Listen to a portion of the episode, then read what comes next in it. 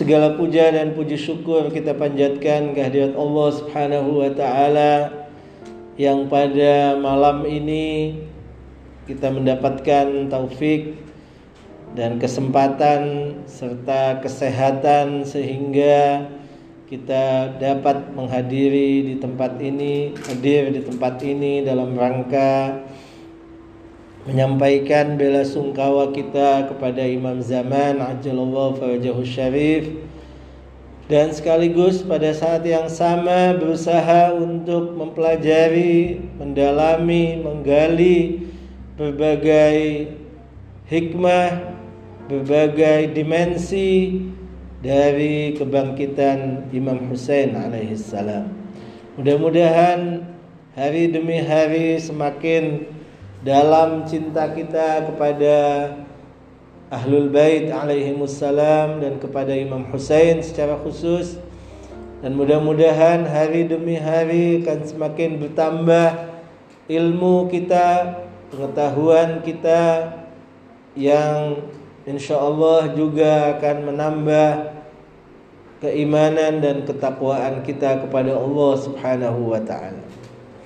Salawat dan salam Selalu kita haturkan kehabiban tercinta Nabi besar Muhammad sallallahu alaihi wa alihi wasallam keluarga suci beliau serta sahabat dan pengikut setia beliau sampai akhir zaman. Yang mudah-mudahan kita semua tergolong di dalamnya. Amin ya rabbal alamin. Ma'asyiral ikhwani wal akhawat rahimakumullah seperti yang saya janjikan pada dua atau tiga malam sebelumnya bahwa dalam mengkaji kebangkitan Imam Hussein paling tidak ada tiga dimensi besar yang harus kita dalami yaitu yang pertama adalah dimensi rasional atau dimensi yang berhubungan dengan akal kita, dimensi yang berhubungan dengan perenungan dan berpikir kita. Yang itu sudah kita sebutkan beberapa contoh yang bisa kita dalami, yang bisa kita ambil sebagai bekal dan pelajaran dalam kehidupan kita. Di antaranya adalah analisa Bagaimana kita bisa memahami mengapa atau alasan apakah yang melatar belakangi para musuh-musuh Imam Hussein alaihi wassalam? Saat itu mereka yang berada di barisan musuh Imam Hussein mampu untuk melakukan sebuah perbuatan keji yang sangat besar, perbuatan keji yang bertentangan dengan bahkan nilai kemanusiaan selain agama, selain selain yang lain kita sebutkan atau apalagi yang mereka lakukan adalah bukan kepada sembarang manusia tetapi kepada pribadi agung. Imam Hussein alaihi salam yang riwayat hadis dan ayat-ayat Al-Quran banyak sekali menjelaskan tentang keutamaan beliau dan bahkan mereka yang terlibat saat itu banyak sekali yang mengenal Imam Husain dan mengenal Imam Ali bin Abi Thalib bahkan sebagiannya sezaman atau mengenal Rasulullah Shallallahu Alaihi Wasallam. Kita sebutkan paling tidak beberapa hal saat itu secara singkat saya ingin mereview sehingga kita sambungkan dengan pembahasan kita saat ini. Beberapa malam yang lalu kita sebutkan bahwa ada beberapa poin, beberapa masalah, beberapa isu yang berhubungan dengan teologi tentang keyakinan-keyakinan kita atau keyakinan mereka saat itu yang menyebabkan atau menjadi faktor mereka itu terlibat dalam pembunuhan Imam Hussein alaihissalam. Yang pertama kita sebutkan saat itu ada keyakinan yang salah tentang hubungan antara tindakan kita manusia dan tindakan atau apa yang sudah ditakdirkan oleh Allah Subhanahu wa taala. Yang kedua kita juga sebutkan isu ya, atau saya terbalik yang pertama saya sebutkan tentang imamah bagaimana kepemimpinan setelah Rasulullah juga adalah memiliki peran penting sehingga seseorang akan berada tepat di mana harus berdiri.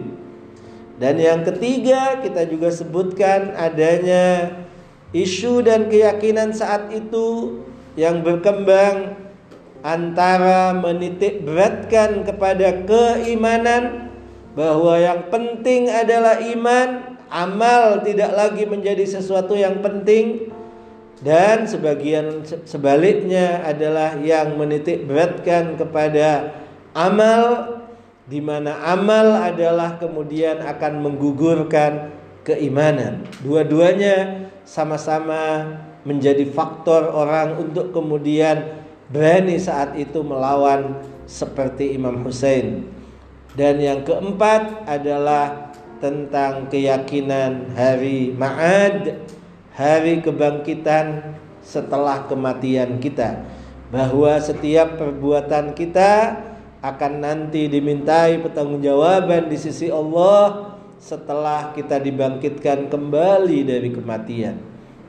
Itu sudah kita bahas dan tentu banyak lagi yang lainnya yang bisa menjadi renungan kita, bacaan kita perlu didalami yaitu berbagai hal tentang khutbah-khutbah Imam Husain, khutbah Imam Ali Zainal Abidin dan khutbah Sayyidah Zainab. Begitu juga berhubungan dengan berbagai masalah yang berhubungan dengan Imam Husain misalnya apa yang melatar belakangi Imam Husain sehingga beliau berangkat melakukan gerakannya dari Mekah menuju dari Madinah menuju Mekah dan kemudian dari Mekah menuju Karbala. Apakah karena ingin untuk memimpin?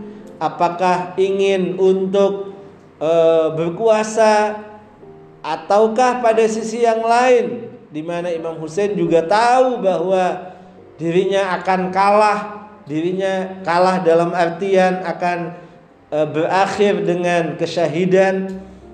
Tapi mengapa Imam Husain tetap berangkat? Mengapa Imam Husain bahkan membawa keluarganya anak istrinya begitu juga yang lainnya dan berbagai hal seputar itu yang bisa menjadi kajian dalam bacaan kita, pendalaman dan diskusi kita. Tapi yang kedua yang saya janjikan bahwa dimensi yang kedua yang juga tidak kalah pentingnya dalam kebangkitan Imam Hussein yaitu dimensi emosional. Dan ini menunjukkan bahwa kebangkitan Imam Hussein itu adalah kebangkitan yang sempurna, kebangkitan yang komprehensif. Dia adalah miniatur daripada ajaran Islam itu sendiri. Islam itu yang dibawa oleh Rasulullah Sallallahu Alaihi Wasallam yang dibawa atau diturunkan oleh Allah dalam kitab suci Al-Quran dia tidak hanya berisi pemikiran semata. Memang banyak ayat-ayat dalam Al-Quran yang mengajak akal kita berpikir, yang mengajak akal kita merenung, afala taqilun, afala tatadabbarun. Kenapa kalian tidak berpikir? Kenapa kalian tidak merenung dan semacamnya itu banyak sekali. Tapi pada saat yang sama Al-Qur'an juga adalah mengajarkan kepada kita hal-hal yang berhubungan dengan emosional. Al-Quran bercerita tentang berbagai kisah. Yang kisah-kisah itu adalah berhubungan dengan emosional kita. Ini bagaimana kemudian membangkitkan Bagaimana membangkitkan misalnya eh, kesenangan, bagaimana membangkitkan sehingga kita dalam keadaan menangis, sedih. Al-Quran juga bercerita itu. Al-Quran banyak bercerita tentang Nabi Musa alaihissalam. Bagaimana perjalanan Nabi Musa, bagaimana kisah-kisah yang bersama dengan Nabi Musa, umat Nabi uh, kaum Bani Israel. Al-Quran juga bercerita tentang Nabi Ibrahim alaihissalam. Al-Quran juga bercerita tentang bagaimana perlakuan Fir'aun kepada mereka yang beriman kepada Nabi Musa dan meninggalkan Fir'aun. Karena itulah di dalam kebangkitan Imam Hussein itu juga ada hal-hal yang berisi emosional. Imam Hussein seperti yang juga saya singgung pada pertemuan sebelumnya bahwa tidak hanya menyampaikan khutbah-khutbah yang berhubungan dengan rasional dengan akal kita, tapi juga menyentuh hati kita, menyentuh hati orang yang hadir saat itu. Dan banyak juga yang efektif walaupun juga ada yang sudah tidak lagi mempan, tidak lagi hati itu mampu menjawab panggilan Imam Hussein alaihissalam. Karena itulah Imam Hussein dalam beberapa khutbahnya itu seolah-olah mungkin kalau kita tidak memahami secara baik kita mau atau sebagian orang memahaminya itu seperti seorang yang merengek-rengek meminta pertolongan menjelaskan tentang dirinya siapa Imam Hussein menjelaskan bahwa dirinya adalah putra Imam Ali, putra Sayyidah Fatimah, cucu Rasulullah. Apakah kalian tidak tahu misalnya dalam begitu ada beberapa potongan khutbah Imam Hussein yang demikian. Apakah itu dalam rangka hanya meminta tolong dan rengek-rengek? Tidak. Imam Hussein seorang pemberani, artinya kita bisa menolak pemahaman itu dengan bahwa Imam Hussein ada kondisi-kondisi, eh, ada eh, ketika beliau juga berkhutbah dan beliau juga maju ke medan laga dan beliau juga dengan penuh keberanian itu semuanya tertolak yang tadi kita sebut anggapan rengek-rengek minta tolong. Tapi harus dipahami dengan sesuatu yang lain yaitu bahwa memang sengaja Imam Hussein harus menggunakan media kedua selain media akal untuk mengajak orang berpikir yaitu media yang berhubungan dengan hati yang berhubungan dengan emosional berhubungan dengan perasaan yaitu misalnya dengan Coba Anda lihat, coba Anda pikir, apakah Anda tidak merasa bahwa saya ini adalah cucu Rasulullah? Bahkan tidak ada lagi cucu selainku, kata Imam Hussein, cucu langsung. Itu adalah upaya beliau untuk kembali menyadarkan.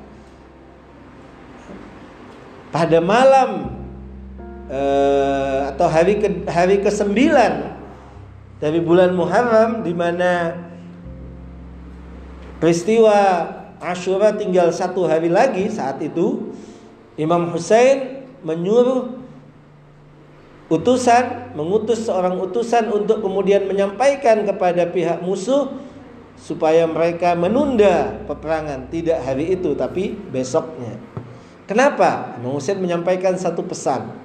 Imam Hussein mengatakan sampaikan kepada mereka bahwa aku ingin malam ini, yani malam Ashura, aku ingin untuk mengisi malam nanti dengan ibadah dengan membaca Al-Qur'an. Ketahuilah bahwa aku Al-Husain, kata beliau, adalah orang yang suka membaca Al-Qur'an. Apa ini pesannya? Pesannya adalah ingin disampaikan kepada mereka Barangkali di antara pasukan musuh itu ada yang kemudian sadar sehingga misalnya dia akan berpikir, "Oh, ternyata kita salah nih. Kita sudah niat perang, kita sudah niat mau melawan, mau membunuh, tetapi ternyata yang akan kita bunuh itu adalah orang yang suka baca Al-Qur'an, orang yang akan mengisi malamnya dengan ibadah."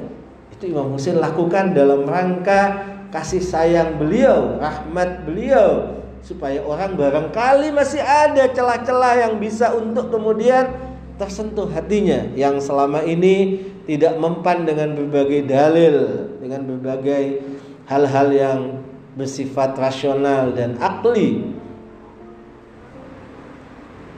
Esok harinya ketika sudah tiba di hari Ashura, Imam Husain kembali lagi. Sebelum peperangan dimulai, Imam Husain berkhutbah lagi untuk kemudian Imam Husain menyempurnakan hujahnya, menyempurnakan alasannya supaya orang betul-betul sadar bahwa mereka berhadapan dengan Imam Husain. Imam Husain kembali menceritakan siapa aku yang belum kenal aku, ketahuilah bahwa aku adalah putra Ali, putra Fatimah, putra Rasulullah.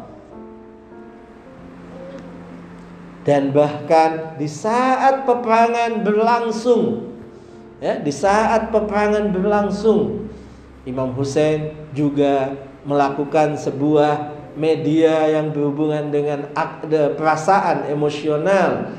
Imam Hussein mengangkat anak kecil beliau, bayi yang masih berusia 6 bulan yang saat itu menangis karena kehausan. Imam Hussein mengangkat bayi itu untuk kemudian mengatakan kepada pihak musuh, "Ambil bayi ini, berilah minuman. Kalau kalian kalian menganggapku salah, tapi apa dosa bayi ini? Bayi ini pasti tidak berdosa. Apa ini? Dalam rangka apa ini Imam Hussein untuk kemudian mengangkat bayinya yang enam bulan? Hanya karena ingin minta tolong merengek-rengek seperti orang yang butuh? Tidak. Imam Hussein juga dalam rangka untuk menyadarkan mereka dengan bahasa emosional bahwa kalian yang selama ini tidak mempan dengan bahasa akal maka diketuk oleh Imam Hussein dengan bahasa emosional. Kalian tidak kasihan pada anak ini. Tapi tetap saja dan justru ini juga menjadi dalil Imam Hussein kepada dunia, kepada generasi-generasi berikutnya bahwa kalau orang masih berdebat bahwa siapa yang benar di antara dua pihak ini, kalau orang masih berdebat Imam Hussein benar imam atau bukan, kalau orang masih berdebat bahwa Imam Husain berada pada kebenaran, tidak e, memberontak imam zamannya, udahlah tinggalkan semua perdebatan itu, coba lihat kepada sisi kemanusiaan. Imam Husain ingin menunjukkan bahwa mereka pun tidak mau untuk memberi minum kepada bayi yang masih katakan merah masih berusia enam bulan ini Harusnya kalau memang mereka katakan meyakini berada dalam kebenaran dan seterusnya lewat semuanya. Karena sisi kemanusiaan ini sesuatu yang tidak lagi bisa dipungkiri. Tapi justru juga tidak. Imam Hussein menutup semua celah orang bisa untuk kemudian masih meragukan kebenaran beliau. Jadi semua apa yang dilakukan oleh Imam Hussein itu adalah sesuatu dalam rangka untuk menyadarkan pihak-pihak musuh dan juga kepada generasi-generasi berikutnya termasuk kita yang hidup saat ini untuk kemudian kita memahami yang benar dan generasi-generasi setelah kita sampai hari kiamat. Karena itulah pada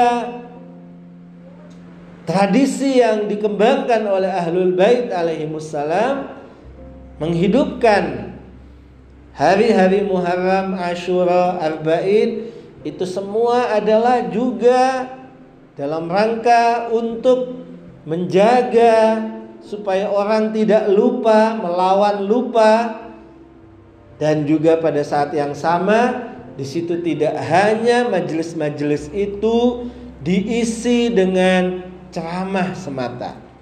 Ada sisi lain yang juga dikembangkan oleh para imam kita. Sayang sekali mereka yang berada di luar madhab ahlul bait khususnya katakan kaum salafi yang tidak banyak menggali literatur-literatur ahlul bait alaihi wassalam.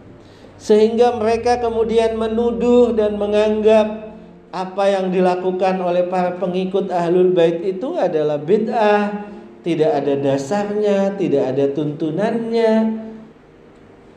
Sangat disayangkan karena mereka membatasi bacaannya kepada bacaan hanya hadis-hadis Rasulullah Shallallahu Alaihi Wasallam itu pun juga tidak secara penuh karena kalau kita mau jujur dalam literatur ahlus sunnah pun kita bisa temui bahwa Rasulullah Shallallahu Alaihi Wasallam sempat menyampaikan tentang apa yang akan terjadi kepada Imam Hussein. Rasulullah sempat menangisi Imam Hussein. Ya. Begitu juga Imam Ali bin Abi Thalib. Imam Ali juga adalah sebelum peristiwa Karbala terjadi sudah menyampaikan sudah memberikan pesan dan sudah menangisi kesyahidan Imam Hussein alaihissalam.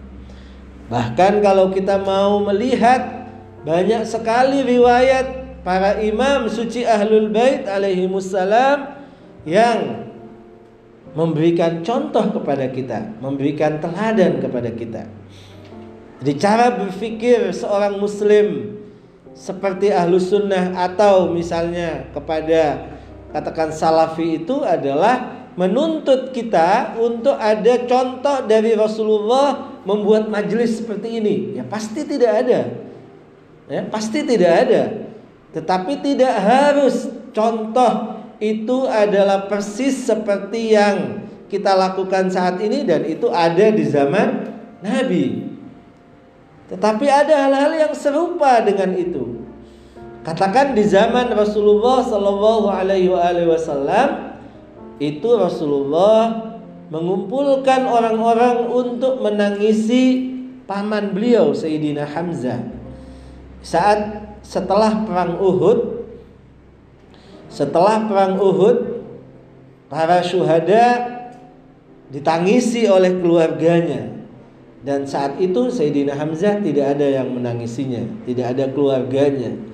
Maka Rasulullah menyuruh untuk kemudian dibuatkan majelis dan orang-orang menangisi Sayyidina Hamzah. Begitu juga kepada apa yang dilakukan oleh para imam Ahlul Bait alaihi wassalam. Kalau kita mau lihat sejarah Imam Ali Zainal Abidin, maka beliau kehidupannya dipenuhi dengan tangisan. Bahkan tangisan menjadi media imam untuk berdakwah, untuk menyampaikan Islam yang dibawa oleh ayahnya dan kakeknya Imam Husain dan Imam Ali bin Abi Thalib alaihi wassalam. Imam Ali Zainal Abidin dalam sejarahnya disebutkan bahwa beliau selalu berada dalam kesedihan dan tangisan. Seringkali beliau dalam keadaan puasa dan sering kali kemudian makanan disuguhkan kepada beliau dan beliau tetap dalam keadaan menangis. Sampai banyak juga yang kemudian bertanya kepada Imam Ali Zainal Abidin sampai kapan? Sampai kapan engkau akan menangisi ayahmu? Maka Imam Ali Zainal Abidin menjawab bukankah Nabi Yakub dicatat oleh Al-Qur'an menangisi kehilangan putranya Nabi Yusuf sampai akhirnya buta kedua matanya karena terlalu banyak menangis. Dan Al-Quran tidak menyalahkan, bahkan memberi contoh. Ini Al-Quran ketika menceritakan itu artinya itu adalah sesuatu yang sah, sesuatu yang boleh. Dan Nabi Yakub tahu bahwa Nabi Yusuf tidak meninggal, hanya hilang. Sementara aku kata Imam Ali Zainal Abidin, aku melihat ayahku sendiri dan juga saudaraku dibantai di padang Karbala. Begitu juga Imam Muhammad Al-Baqir alaihissalam. Dikatakan dalam riwayat Imam Muhammad Al-Baqir alaihissalam menyewa orang untuk bercerita, membacakan cerita tentang peristiwa Karbala. Di mana? Di Mina. Yakni di saat orang melaksanakan ibadah haji, Imam Bakir menyuruh mereka atau beberapa orang dengan dibayar untuk menceritakan tentang kisah Imam Husain. Berapa lama? 10 tahun. Jadi 10 kali haji. Setiap tahun Imam Bakir menyewa orang untuk bercerita tentang kisah Karbala. Imam Ja'far Sadiq juga demikian terdapat berbagai riwayat yang menyuruh atau memberikan um, arahan supaya kita melakukan majelis-majelis seperti ini. Imam Ali Ridho juga begitu. Imam Musa Al-Kazim alaihissalam juga demikian. Mengapa? Mengapa para imam suci Ahlul Bait menekankan kepada kita untuk selalu membuat majlis mengingat Imam Hussein alaihissalam menangisi Imam Hussein alaihissalam bahkan pahala-pahala besar dijanjikan dalam riwayat bagi orang yang menangis pada saat mendengar kisah Imam Hussein pahala besar dijanjikan bagi orang yang menyampaikan kisah Imam Hussein sehingga orang lain menangis. Itu akan kita temui dalam riwayat Ahlul Bait alaihi wassalam. Sekali lagi sayangnya saudara-saudara kita tidak melihat riwayat-riwayat ini sehingga banyak saudara-saudara kita kaum muslimin yang menganggap aneh dan menganggap bid'ah ketika para pengikut Ahlul Bait berkumpul untuk menangisi Imam Hussein. Padahal kalau mau kita kembali kepada Al-Quran Al-Quran juga ada cerita-cerita tentang kesedihan. Al-Quran menceritakan tentang orang yang dibunuh, dibakar ya, Dalam surat apa? Al-Buruj. Ini banyak anak-anak kita yang hafal surat Al-Buruj ya. Wassama'i dhatil buruj. Terus? Wal yaumil Terus di situ diceritakan bahwa ada namanya ashabul ukhdud. Orang-orang yang disiksa oleh rezim-rezim karena beriman kepada Allah. Mereka dibakar, dimasukkan dalam lubang ya. An-nari waqud idhum 'alaiha qu'ud wa ma naqamu illa an yu'minu billahil azizil hamid ya. Mereka kenapa disiksa begitu? Karena mengatakan bahwa Tuhan kami Allah. Al-Quran menceritakan itu. Dan kita disuruh baca Al-Quran apa tidak? Iya. Disuruh baca sekali setahun. Tidak. Suruh setiap hari kita baca Quran. Artinya apa? Artinya suruh ulang-ulang terus itu cerita. Ya, kalau kita pengikut Ahlul Bait hanya setahun sekali duduk atau setahun katakan 10 hari duduk untuk menceritakan kembali Imam Husain dan kita ulang-ulang setiap tahun itu karena kita meniru Allah Subhanahu wa taala dalam Al-Qur'an menceritakan tentang kesedihan, tentang orang yang disiksa dan itu disuruh ulang-ulang. Kenapa? Karena itu adalah bagian cara Allah untuk kita juga menjadi orang baik untuk kemudian kita mengambil pelajaran selain dengan akal juga dengan perasaan juga dengan hati. Al-Quran juga menceritakan umatnya Nabi Musa yang disiksa oleh Fir'aun. Al-Quran juga menceritakan tentang yang lain-lainnya. Itu menunjukkan ashabul kahfi misalnya. Bagaimana mereka sampai lari, bagaimana mereka juga sampai berlindung dalam sebuah gua. Ya, itu menunjukkan bahwa bercerita tentang kesedihan itu bukan bid'ah, sudah ada contohnya di dalam Al-Qur'an. Maka ketika pengikut Ahlul Bait bercerita tentang kesedihan Imam Husain dan menangis itu bagian daripada menjaga sunnah, menjaga tradisi, menjaga supaya ini tidak dilupakan dan dari generasi ke generasi dia akan tetap terjaga karena dia punya manfaat yang besar. Dalam sebuah hadis dikatakan bahwa pembunuh eh, pembunuhan terhadap Husain itu adalah sebuah gelora yang membara di hati setiap mukmin. Itu perlu dijaga dan itu kita harus wariskan. Di zaman Imam Khomeini ketika ada seorang yang mengkritik, kenapa orang-orang Syiah itu, kenapa kita secara tradisional masih tetap saja menghidupkan majelis-majelis azza itu dengan menangis? Kenapa kita jadi cengeng? Imam Khomeini menjawab, Justru Islam yang kita terima dari ayah-ayah kita itu dari generasi ke generasi sampai sekarang dan menyebabkan kita begini adalah karena tangisan-tangisan itu. Dan itu yang harus kita wariskan juga kepada anak-anak kita. Jadi Islam yang kita yang kita dapatkan dari ahlul bait adalah Islam yang sesuai dengan Al-Qur'an, yang di situ juga ada sisi emosional tidak hanya rasional yang kering semata. Dan itulah yang juga menjaga agama. Ya, ditambah lagi selain tangisan itu ada yang namanya budaya ziarah.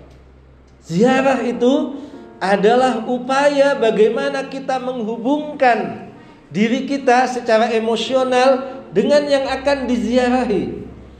Ada sebagian orang kaum muslimin yang salah faham dan mungkin di antara kita juga ada yang salah faham pengikut ahlul bait bahwa orang ketika ziarah itu dalam rangka untuk meminta hajat-hajat kita. Benar, tidak salah. Tapi bukan hanya itu. Justru ada yang lebih utama daripada itu. Bukan dalam rangka untuk meminta hajat orang ziarah itu. Tapi ziarah itu adalah dalam rangka menghubungkan diri kita dengan orang yang kita ziarahi sehingga dia kenal kita. Dan kalau kenal kita kelak di hari kiamat kita berharap perkenalan itu tetap ada. Dan dia menoleh kepada kita untuk memberi syafaat. Itu sesuatu yang jauh lebih besar daripada kita hanya ingin mendapatkan hajat-hajat kita. Dan itu selain ada pada riwayat-riwayat ahlul bait alaihi wassalam juga dicontohkan oleh para ulama kita. Mungkin ikhwan dan akhwat sering mendengar bahwa seperti Imam Khumaini misalnya Imam Khumaini rahimahullah ketika beliau berada di Najaf itu setiap malam catat setiap malam bukan seminggu sekali bukan sebulan sekali setiap malam beliau ziarah ke Imam Ali bin Abi Thalib Ziarahnya bukan dari rumah, tapi datang ke pusara Imam Ali bin Abi Thalib. Orang sebesar Imam Khomeini. Bahkan katanya suatu malam saat itu eh, dalam keadaan gerimis dan angin sangat kencang, dingin. Saat itu imam dan imam terkenal sebagai orang yang sangat tepat waktu. Pada saat jadwal harus ziarah, Imam langsung mengingatkan putranya itu Said Ahmad Khumaini. Imam mengatakan pada Said Ahmad, ambilkan jubahku untuk kita berangkat seperti biasa. Saat itu Said Ahmad mengusulkan kepada Imam, wahai ayahku, ini sekarang dalam keadaan gerimis dan dingin lagi anginnya. Apa hendak lebih baik kita ziarah dari sini saja, dari rumah, menghadap ke arah pusara Imam Amirul Mukminin Ali bin Abi Thalib. Toh sama saja kan ziarah dari jauh sama dekat. Orang kita sering bilang kan yang penting hatinya, bukan harus dekat secara fisik. Kata Imam Khomeini apa? Wahai Ahmad, kurang lebih bahasa beliau, jangan engkau ambil gaya beragamanya orang awam dariku, kata Imam. Saya tidak tahu apa maksudnya kira-kira, tapi kurang lebih yang bisa dipahami mungkin sebagian orang merasa bahwa ziarah dari dekat itu hanya agamanya orang awam. Kalau orang sudah pintar, akalnya jalan, belajar filsafat, apa sih bedanya dekat sama jauh? Nggak ada bedanya kan gitu kan? Dalam filsafat kita mengatakan bahwa salam kita ya didengar oleh imam mau dekat mau jauh. Samalah kalau kita mau contohkan. Coba kita baca Fatihah untuk orang tua kita dari rumah atau datang ke kuburan. Sama apa beda? Jawabannya apa? Sama apa beda? Mungkin banyak kita bilang pahalanya sama dong. Insya Allah oleh Allah dicatat bahwa pahalanya sama, tapi dalam tuntunan ahlul bait beda. Apa yang dipahami seperti imam beda. Tetap harus datang itu jauh lebih afdol daripada tidak. Dan kita bisa juga membuktikan bahwa perasaan kita kalau kita baca Fatihah dari rumah dengan kita datang ke kuburan beda dong. Secara psikologi pasti beda bacaan kita pasti beda dan itu ada nilainya di sisi Allah Subhanahu wa taala. Ya, ada nilainya di sisi Allah Subhanahu wa taala. Karena itu bahkan ulama kita mengajarkan sesuai dengan riwayat bahwa orang kalau ya kalau ingin misalnya punya masalah, punya hajat yang ingin dikabulkan, Salah satunya adalah berziarahlah ke orang tuanya, ke kuburan orang tuanya. Di dekat kuburan orang tua itulah setelah baca, setelah ziarah, setelah doa, ya di situlah setelah mendoakan orang tua, di situlah berdoa untuk hajat kita. Ya, perasaan emosional sesuatu yang kemudian bukan begitu saja, tidak kemudian tidak dianggap. Enggak, itu punya maknanya. Dan itulah yang kemungkinan menjadi sebuah penyebab ajaran suci ini sampai kepada kita saat ini. Coba bayangkan betapa dalam sejarah itu, dalam sejarah Ahlul Bait, ajaran ini adalah sesuatu yang mengalami masa-masa yang tidak enak, masa-masa sulit. Tidak gampang para pengikut Ahlul Bait itu menyatakan dirinya sebagai pengikut imam di setiap zaman. Di zaman-zaman Bani Umayyah, di zaman-zaman Bani Abbasiyah, tidak mungkin orang kemudian dengan serta merta menyatakan dirinya sebagai pengikut Imam Ja'far Sadiq misalnya sebagai pengikut Imam Muhammad Al-Baqir atau yang lainnya. Enggak.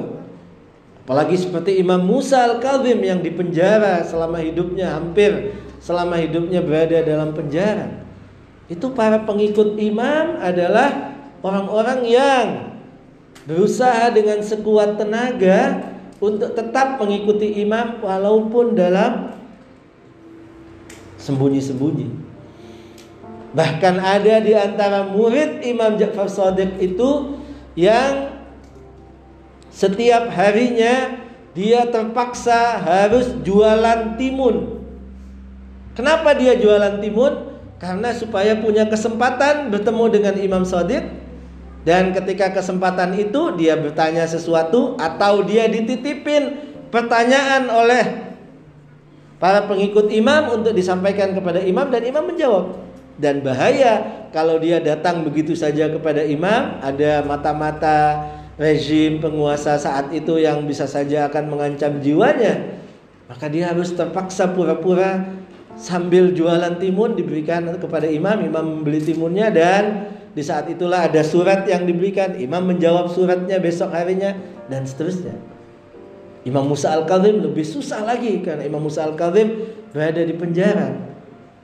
Imam Ali Ridho benar Imam Ali Ridho itu sempat jadi putra mahkota makmun tetapi tetap saja orang dibatasi untuk ketemu Imam Ali Ridho bukan enak jadi putra mahkota itu itu juga terpaksa dan justru menjadi putra mahkota lebih mudah diawasi oleh penguasa saat itu sehingga ketahuan siapa yang datang siapa yang betul-betul pengikut Imam Ridho Terus sampai Imam Hasan Askari begitu, sampai Imam Mahdi apalagi ketika beliau harus gaib.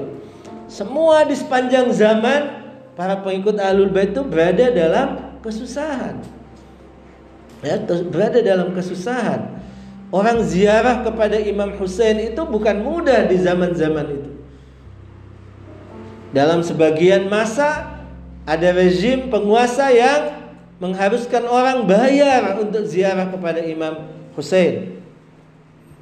Maksudnya disuruh bayar itu supaya sedikit orang yang mau datang. Karena dengan datang ziarah kepada Imam Hussein, maka ada sesuatu yang artinya menyuburkan ajaran Ahlul Bait. Di sebagian masa harus dipotong tangannya untuk ziarah Imam Hussein. Ya, harus dipotong tangannya.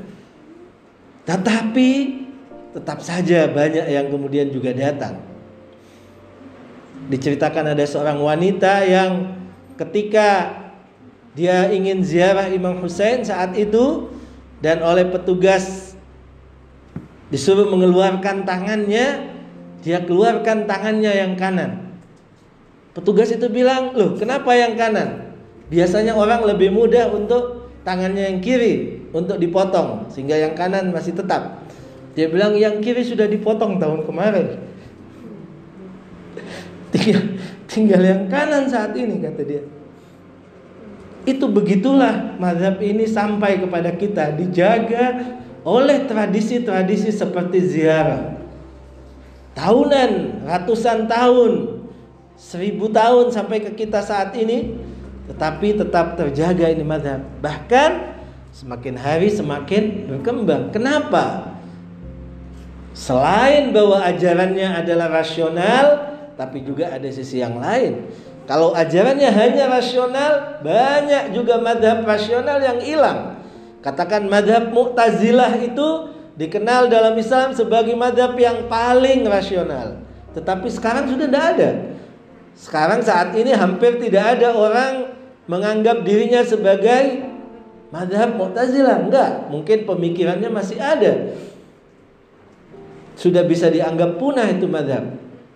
Katakan khawarij juga punah. Murjiah sebagai sebuah madhab juga punah walaupun pemikirannya juga masih ada. Tetapi madhab ahlul bait adalah madhab yang tetap eksis dan bahkan semakin berkembang walaupun dengan berbagai cara tidak diinginkan untuk eksis. Kenapa? Salah satunya adalah karena madhab ini mengumpulkan antara rasional dengan emosional. Dan itulah juga bahasa Al-Quran. Ya, bahasa Al-Quran adalah mengumpulkan itu juga. Dan yang ketiga dimensi yang ketiga yang kita bisa dapati dari gerakan dan kebangkitan Imam Hussein alaihi salam adalah apa yang kita sebut dengan dimensi kepahlawanan, dimensi keberanian, dimensi heroisme. Itu adalah sesuatu yang sangat kita bisa saksikan dalam berbagai adegan yang kita saksikan di padang Karbala. Bagaimana 70 orang itu pun bukan tentara, hanya rakyat biasa melawan 30 ribu menurut sebagian riwayat 30 ribu orang ini bukan peperangan ini adalah sebuah pembantaian tetapi masing-masing mereka adalah berperan maju dan menunjukkan betul-betul berani sama sekali mereka tidak punya rasa takut. Sama sekali mereka tidak memikirkan bahwa kehidupan adalah lebih enak, kehidupan adalah lebih nyaman, lebih manis. Tidak. Semuanya sudah bulat untuk tekadnya bersama Imam Hussein. Padahal Imam Hussein sudah melepas mereka. Di malam Ashura. Imam Hussein mengumpulkan mereka untuk mengatakan wahai sahabat-sahabatku pergilah. Tinggalkan aku sendirian. Karena musuh hanya ingin aku bukan ingin kalian. Tinggalkan biarkan malam yang gelap ini menjadi sarana buat kalian untuk meninggalkan. Kalau kalau pergi siang mungkin malu sekarang aku tidak tahu siapa yang akan pergi silahkan kata Imam Husain tapi justru tidak begitu tidak ada satupun yang meninggalkan Karbala yang meninggalkan Imam Hussein saat itu. Justru sebaliknya. Mereka saat itu mengatakan kepada Imam Hussein janji-janji kesetiaan. Mereka mengatakan wahai imam di antaranya ada seorang tua namanya Muslim bin Aus saja itu umurnya sudah 70 tahun lebih. Tapi dia mengatakan kepada imam wahai imam bagaimana aku akan meninggalkanmu? Bagaimana aku akan besok menghadapi wajah Rasulullah Sallallahu Alaihi Wasallam di hari kiamat? Bagaimana aku akan bertemu dengan ayahmu ketika aku meninggalkanmu? Tidak. Kata beliau, andaikan andaikan tubuh aku dibunuh dan kemudian tubuhku dibakar menjadi tanah dan kemudian diulang lagi aku jadi hidup manusia dan kemudian lagi dibunuh, dibakar sampai 70 kali aku tetap akan bersamamu. Aku tidak akan pernah meninggalkanmu. Apalagi hanya sekali kata beliau. Di perjalanan itu ada seorang sahabat yang ditemui oleh Imam Hussein namanya Zuhair Ibn Al-Qayyim. Zuhair itu dalam catatan sejarah dikenal orang yang lebih dekat kepada Khalifah Utsman. Dia dikenal dengan nama Utsmani. Tidak terlalu dekat dengan Imam Ali, apalagi kemudian Imam Hussein. Di sisi yang lain, Zuhair ini sudah capek berperang. Dia sudah puluhan kali perang, sehingga dia merasa sudah tua, mau pensiun, kira-kira, dan dia mengatakan, udah, saya tutup uh, perang, uh, pedang ini di dalam sarung pedang dan aku tidak mau lagi menuju peperangan.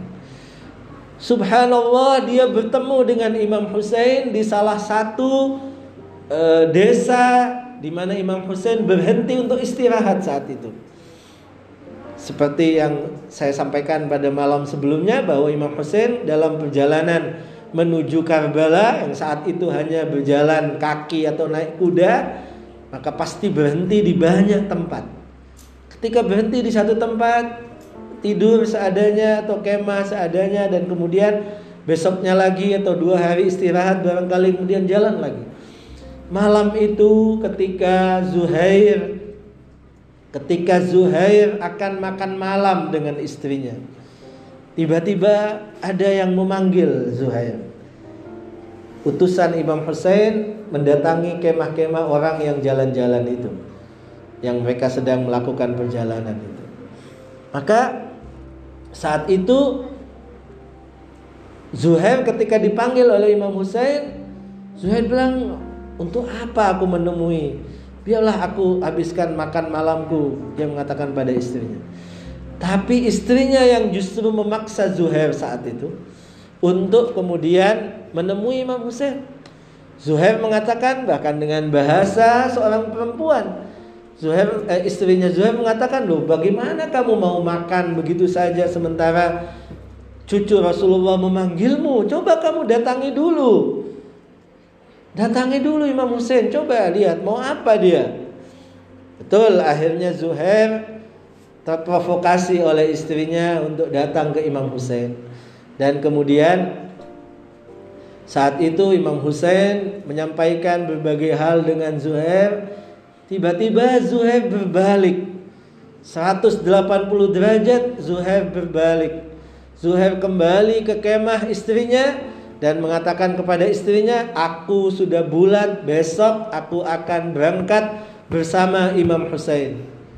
Kata istrinya, "Izinkan aku ikut." Katanya Zuhair, "Tidak. Kamu tidak boleh ikut. Kamu pulang ke rumah orang tuamu dan nanti aku akan ceraikan engkau." Kata istrinya, "Lo kenapa?" Loh, kamu kawin denganku untuk hidup, bukan untuk mati. Katanya istrinya, tidak apa-apa, aku akan bersamamu dan juga aku akan bersama dengan Imam Hussein. Bukankah aku yang mengajakmu tadi untuk menemui Imam Hussein? Tapi kenapa kamu sekarang akhirnya menyuruh aku untuk pulang? Zuhair berusaha untuk menjelaskan kepada istrinya sampai akhirnya istrinya mengatakan, "Loh, bukankah Imam Hussein juga mengajak putrinya, mengajak Sayyidah Zainab, biarkan aku juga ikut." Karena Zuhair sebelumnya mengatakan perempuan tidak wajib perang. Tapi istrinya mengatakan, aku juga lihat Zainab ikut. Putri-putri Imam Husain juga ikut, biarkan juga aku ikut. Apa kata Zuhair? Kata Zuhair, ketahuilah wahai istriku, aku ini bukan seorang mukmin yang punya iman seperti Imam Husain. Imam Husain itu imannya sudah full sebagai imam. Jadi kalau Sayyidah Zainab atau putri-putri yang lain diperlakukan oleh musuh dengan tidak senonoh, Imam Husain tidak akan berubah imannya. Tapi aku adalah manusia biasa. Kalau nanti engkau ikut bersamaku dan akhirnya engkau diperlakukan tidak semestinya oleh musuh, pasti aku akan berbalik. Aku akan meninggalkan Imam Husain dan itu aku tidak mau. Ada dua versi yang mengatakan akhirnya istrinya ditinggal oleh Zuhair, tetapi istrinya juga katanya nyusul akhirnya setelah diceraikan dan menjadi tidak ada lagi hak untuk kewajiban untuk mengikuti suaminya karena sudah diceraikan. Tapi katanya ada yang mengatakan tidak dan istrinya mengatakan kepada Zuhair, aku minta satu permintaan. Kalau aku tidak boleh bersamamu, tapi aku minta satu permintaan. Ketika engkau syahid nanti dan engkau bertemu dengan Rasulullah serta Sayyidah Fatimah, sampaikan salamku dan izinkan Aku juga mendapatkan syafaatmu dan syafaat Sayyidah Fatimah. Ini sahabat-sahabat Imam Husain yang sangat berani itu. Dan kita setiap malam ketika menceritakan tentang keberanian Imam Husain, ketika menceritakan tentang keberanian para sahabat Imam Husain, bahkan anak-anak Imam Husain dan anak-anak Imam Hasan itu dalam rangka kita juga ingin menanamkan kepada diri kita bahwa kita harus berani, kita harus punya sifat berani. Dan sifat berani itu bukan hanya untuk berkelahi atau berperang, bukan. Sifat berani itu dibutuhkan oleh setiap kita karena beragama itu butuh kepada keberanian. Keberanian apa? Di antaranya keberanian untuk mengatakan tidak Anak-anak kita harus diajari berani untuk mengatakan tidak.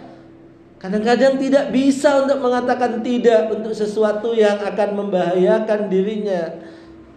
Itu harus diajarkan bagaimana kita berani menolak ketika memang sesuatu yang tidak benar, ketika sesuatu yang akan menghantarkannya kepada bahaya, kepada maksiat kepada Allah Subhanahu wa taala. Kita juga setiap malam melakukan apa yang disebut dengan maktam, pukul-pukul dada. Itu adalah juga dalam rangka menanamkan keberanian kepada diri kita. Kita ingin mengatakan wahai Imam Hussein saat itu kita tidak bersamamu, tidak seperti sahabat-sahabatmu. Tapi dada ini siap untuk menjadi tebusanmu. Dada ini adalah siap jika engkau mengizinkan aku untuk berperang bersamamu. Saat ini tidak lagi zamannya perang, tapi saat ini adalah zaman untuk tetap menjaga nilai-nilai yang kau perjuangkan. Kita memukul dada kita itu dalam rangka kita berjanji kepada Imam Hussein bahwa kita akan menjaga nilai-nilai yang diperjuangkan Imam Hussein. Ada nilai-nilai ke keadilan, kita akan menegakkan keadilan untuk diri kita, untuk istri kita, untuk anak kita, untuk keluarga kita, untuk masyarakat kita. Kita berjanji akan menegakkan nilai-nilai kemanusiaan. Kita berjanji akan menegakkan nilai-nilai kebenaran. Kita berjanji akan menegakkan nilai-nilai agama yang diajarkan kepada kita. Itu semua adalah bahagian daripada kepahlawanan, heroisme yang itu dibuktikan oleh para pengikut Imam Hussein dan keluarga Imam Hussein di padang Karbala dan itu juga yang harus kita warisi dan itu juga yang harus kita wariskan kepada anak-anak kita. Benar, di situ ada emosional yang tadi kita sebutkan menangis tapi pada saat yang sama juga ada keberanian. Kita tidak boleh larut dalam tangisan. Kita juga harus bangkit, kita juga harus melawan ketika saatnya harus melawan. Sahabat-sahabat Imam Hussein adalah orang-orang yang betul-betul telah mengorbankan jiwanya.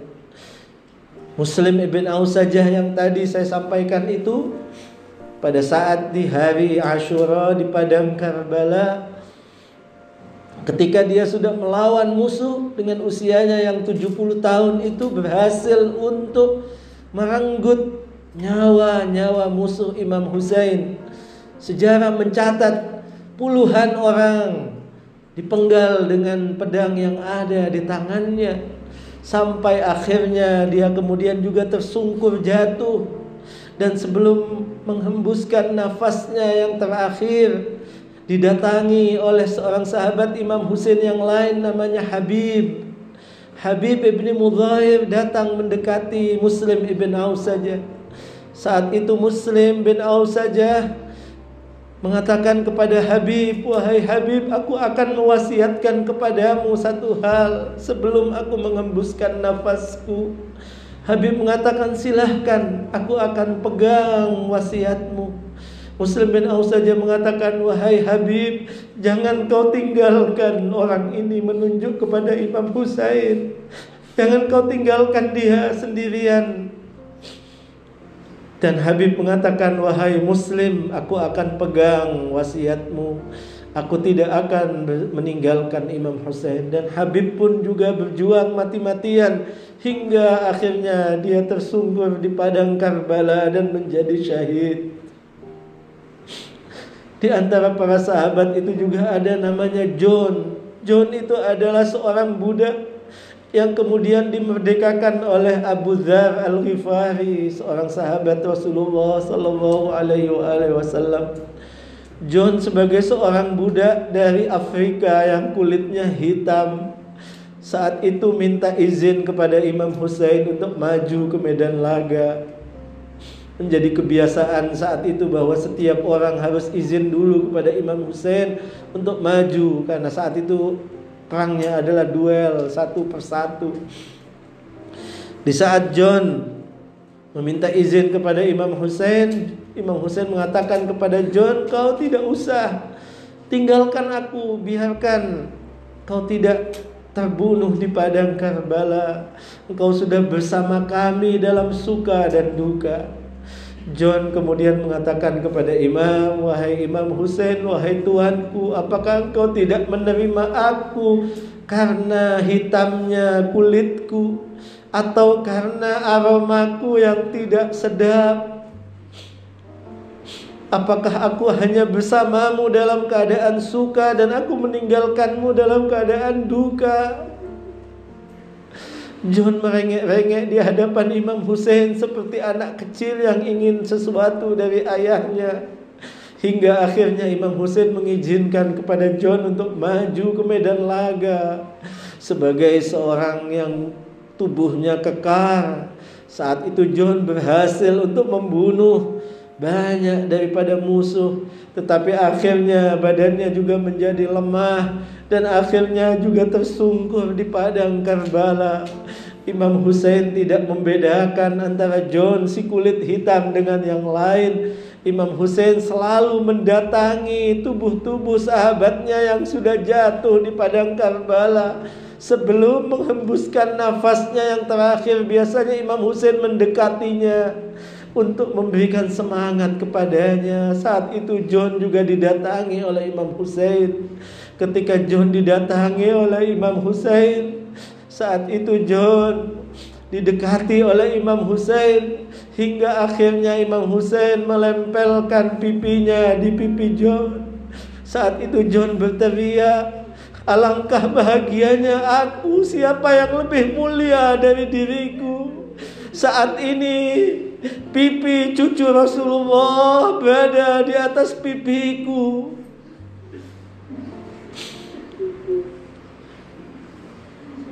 Imam Hussein juga ditemani oleh saudara-saudara beliau dari ibu yang lain yaitu Ummul Bani.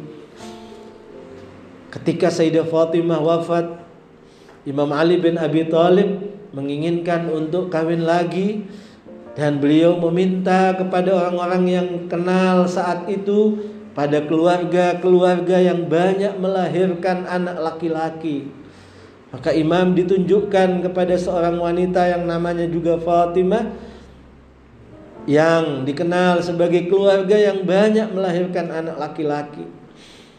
Maka Imam Ali mengawininya dan dari perkawinan itu ada empat orang anak laki-laki yang lahir. Empat orang anak laki-laki